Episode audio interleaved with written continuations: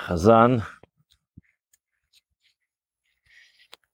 הרבי כותב היום ביום יום סיפור, אבל סיפור, והוא לומד מזה רעיון. הוא אומר שפעם יצא, פעם בצאתו מחדרו, אדמו"ר הזקן יצא מהחדר שלו לכיוון, איפה שהוא הלך. והוא פגש, הוא שמע את הרבנית, אשתו, עומדת עם כמה נשים והן מדברות. אז מה, מה הוא שמע? שאשתו, הרבנית אומרת, שלי אומר, התכוונה לאדמו"ר הזקן שהוא אומר, אז היא, אבל היא לא רצתה לקרוא לו בשם, אז היא קראה לו, אמרה לו, שלי אומר כך וכך.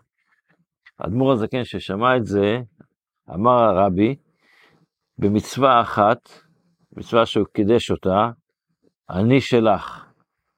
בכמה מצוות אני של הקדוש ברוך הוא?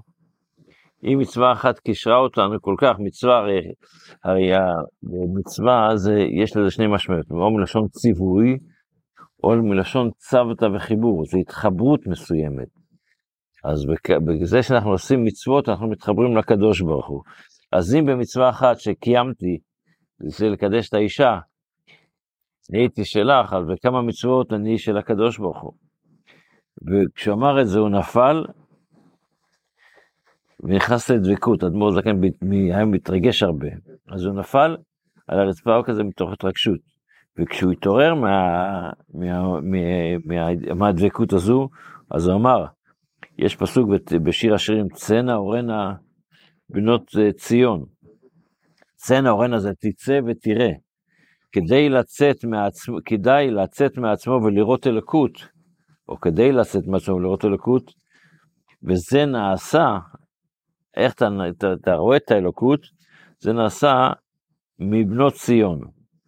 בנות ציון זה מלכות שמעוררת, לפי הקבלה, בנות ציון זה מלכות שמעוררת את השש מידות, זה תזה. ולעתיד לבוא כתוב שיהיה אשת חיל עטרת בעלה. אז נראה איך שמלכות אשת חיל תהיה העטרת, ההתפרעות, התפארת של הקדוש ברוך הוא, אשת חיל עטרת בעלה. נראה את האלוקות, איך שהיא... וזה מה שאומר לנו הרבי היום, שצריך להבין שכל מצווה, אם במצווה אחת של אנחנו מתחברים עם האישה, אז עם כל מצווה שאנחנו עושים, אנחנו מתחברים עם הקדוש ברוך הוא. נדבר על זה בהזדמנות אחרת.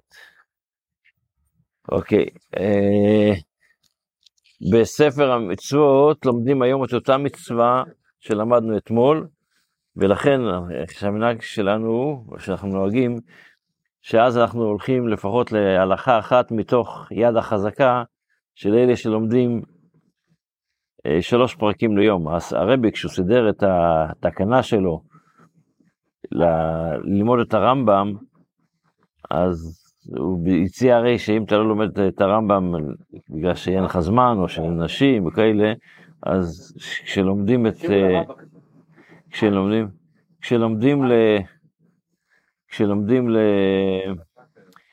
ביד החזקה, שילמדו את ה... הרבי סידר את ספר המצוות. ולפעמים זה בעיה, כי לא, לא תמיד זה אותו נושאים ממש, אבל הרבי עבד על זה, המזכיר לייבל גרונר מספר שהרבי עבד על זה כמה ימים כדי לסדר שזה יהיה תואם פחות או יותר. אז היום בספר, באלה שלומדים את השלושה פרקים ליום, אז ההלכה האחרונה אומרת ככה, המוכר או נותן בשבת. זה הלכות מכירה, בשבת אסור למכור, אבל זה תקנת חכמים שאסור למכור, זה לא שלפי התורה אסור למכור, אתה יכול, זה בדיבור. אבל חכמים תיקנו ש, שאסור למכור בשבת, אז המוכר הוא, נותן בשבת, בכל אופן מחר, איך הסיפור הבדיחה, איך הבדיחה אומרת, שפעם ישבו שני נשים בבית כנסת בשבת, ואחד אומר לשני, אסור לדבר על זה בשבת, אבל בכל אופן יש לי איזה מכונית שאני רוצה למכור. אז השם אומר, בוא נדבר, לא נדבר על זה בשבת, אבל כמה אתה רוצה בשביל זה.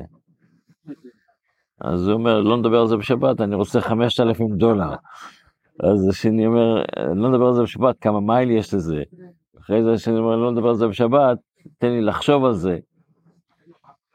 בקיצור, בקיצור, עבר, אה, אמר לו, לא, לא.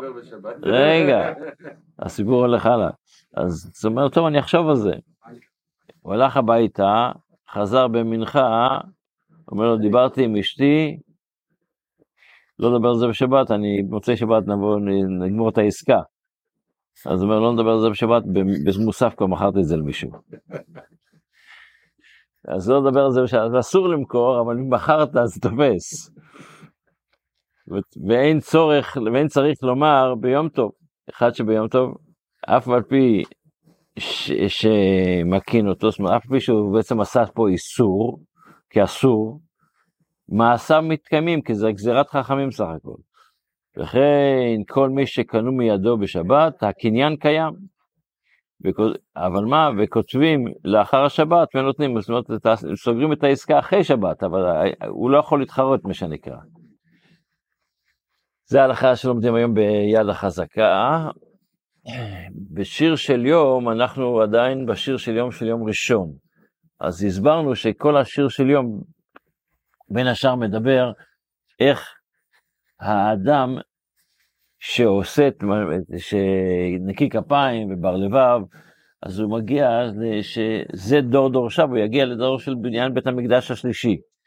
אז הפסוק הבא אומר, שאו שערים ראשיכם, ראשיכם, וינשאו פתחי עולם ויבוא מלך הכבוד. על הפסוק הזה יש כמה וכמה הסברים. על הפסוק הזה יש כמה וכמה הסברים.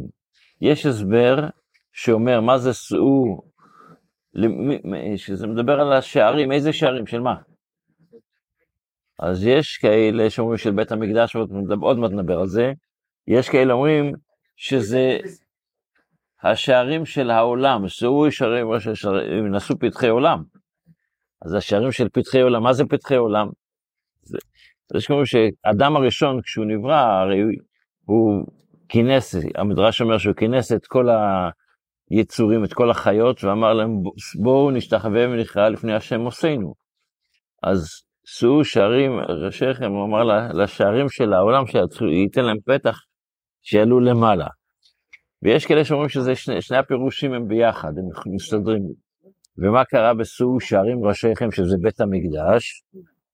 עשו ראשי שערים של ראשיכם בפתחי עולם, אז למדנו כבר פעם, כששלמה המלך בא לי לפ- ל- להכניס, לח- לחנוך את בית המקדש, השערים של בית המקדש לא נפתחו, כך אומרת הגמרא במסכת שבת, עד שהוא הזכיר את דוד המלך, דיברנו על זה, מחר נדבר על זה יותר באריכות, אבל מה, יש גם דעה שאומרת, שלמה המלך עשה בבית המקדש כמה הוספות של כלי בית המקדש.